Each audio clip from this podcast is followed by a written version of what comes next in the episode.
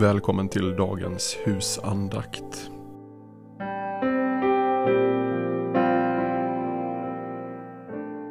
Den 25 december. Jag bär bud till er om en stor glädje för hela folket. Lukas evangeliet 2.10. Vad är det för ett stort och glatt budskap som ängeln här förkunnar? Gud, se i nåd till oss och öppna våra sinnen. Det är inget mindre än att Gud har blivit människa, en av oss, vår kötslige bror. Skriften säger Jesus som helgar och det som helgas har alla en och samme far. Därför skäms han inte för att kalla dem bröder. Hebreerbrevet 2.11. Vem är han som helgar? Det är Herren Gud, den helige och upphöjde som regerar över alla. Vilka är det som blir helgade? Människorna, de fallna och syndiga människorna. Jesus som helgar och det som helgas har alla en och samme far. Vad betyder det? De är alla av samma släkt och av samma natur. Gud och vi tillhör människosläktet. Gud är människa och vi är människor. Därför skäms han inte för att kalla dem bröder. De som har samma stamfader är verkliga bröder. Kristus tänker då, varför skulle jag skämmas för att kalla dem bröder? Det är ju människor som jag och jag är människa som det. Det visar att han inte skäms vare sig inför sin far eller inför människorna att kalla dem bröder. En gång sa han till sin far, jag ska förkunna ditt namn för mina bröder. Mitt i församlingen ska jag lovsjunga dig. En annan gång sa han till en kvinna, Maria Magdalena, men gå till mina bröder och säg till dem att jag stiger upp till min far och er far, till min Gud och er Gud.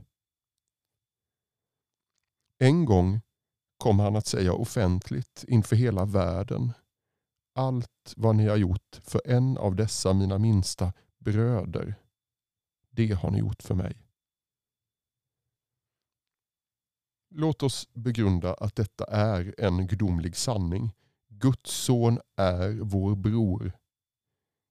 Det är inte bara en titel utan en sann verklighet som grundar sig på att vi har en och samme far.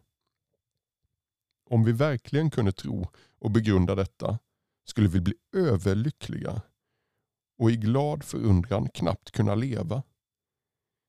Vi gläds, älskar och lovsjunger alldeles för lite sedan våra hjärtan genom Adams fall blivit förskräckligt fördärvade, stendöda, iskalla, förstockade och omslutna av ett tjockt otrosmörker. Vi borde längta att fara härifrån och med ängslan fråga oss när ska detta tunga odrägliga skal som döljer Guds härlighet lyftas av? Vem ska frälsa mig från denna dödens kropp? Varför skulle Guds son bli människa? Vilken var orsaken och syftet? Skriftens svar ger oss stor tröst. När nu barnen hade fått del av kött och blod tog han själv på dem tog han själv på liknande sätt del av detta för att genom sin död göra den maktlös som hade makt över döden, alltså djävulen, och befria alla dem som av rädsla för döden levt i slaveri hela sitt liv. Därför måste han bli lik sina bröder i allt, för att bli en barmhärtig och trogen överstepräst inför Gud och sona folkets synder. Hebreerbrevet 2, 14, 15 och 17. Lägg märke till detta.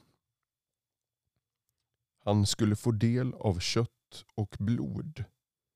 Precis som de förlorade barnen. För att genom sin död göra den maktlös som hade makt över döden, alltså djävulen. För att sona folkets synder och befria dödens slavar. Han skulle vara barmhärtig, mild, empatisk och inkännande.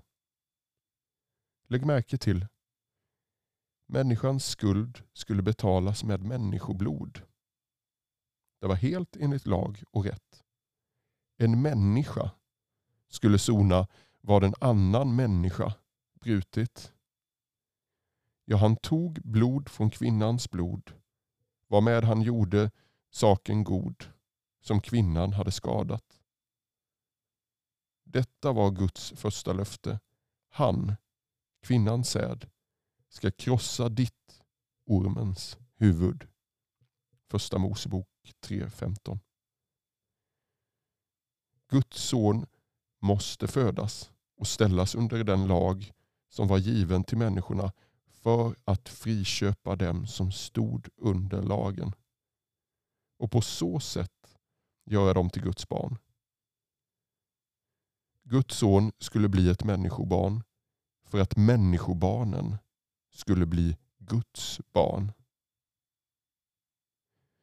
Guds ande har genom profeten Jesaja tydligt och härligt förutsagt denna förlossning från lagen genom detta barn.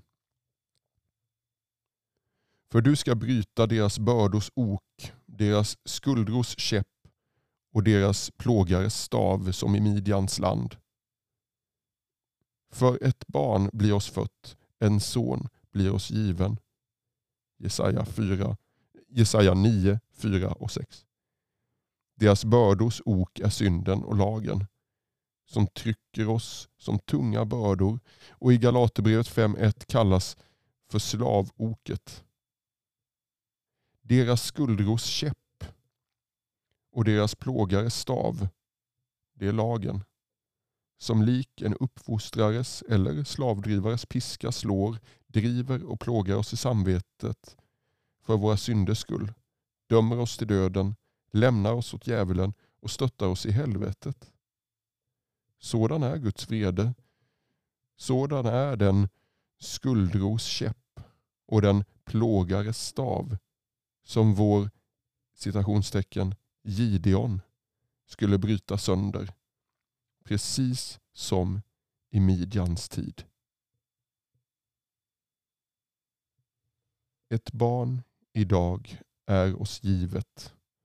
En son är skänkt oss idag. I honom finner du livet. I honom Gud har behag. I honom uppgår för jorden den nya himmelens sol. Nu ljude mäktigt de orden med kraft från pol till pol.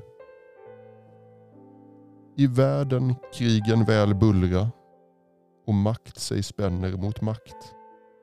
Men på den späde skuldra är herradömet dock lagt. Och över änglarnas skara kring honom prisande står som är och var och skall vara då jord och himmel förgår. Du har lyssnat till Karl-Olof Rosenius husandakt. Betraktelser för varje dag ett helt år. Med mig, Jakob Stille, som inläsare. Husandaktboken ges ut av BV förlag och kan köpas på www.bvforlag.se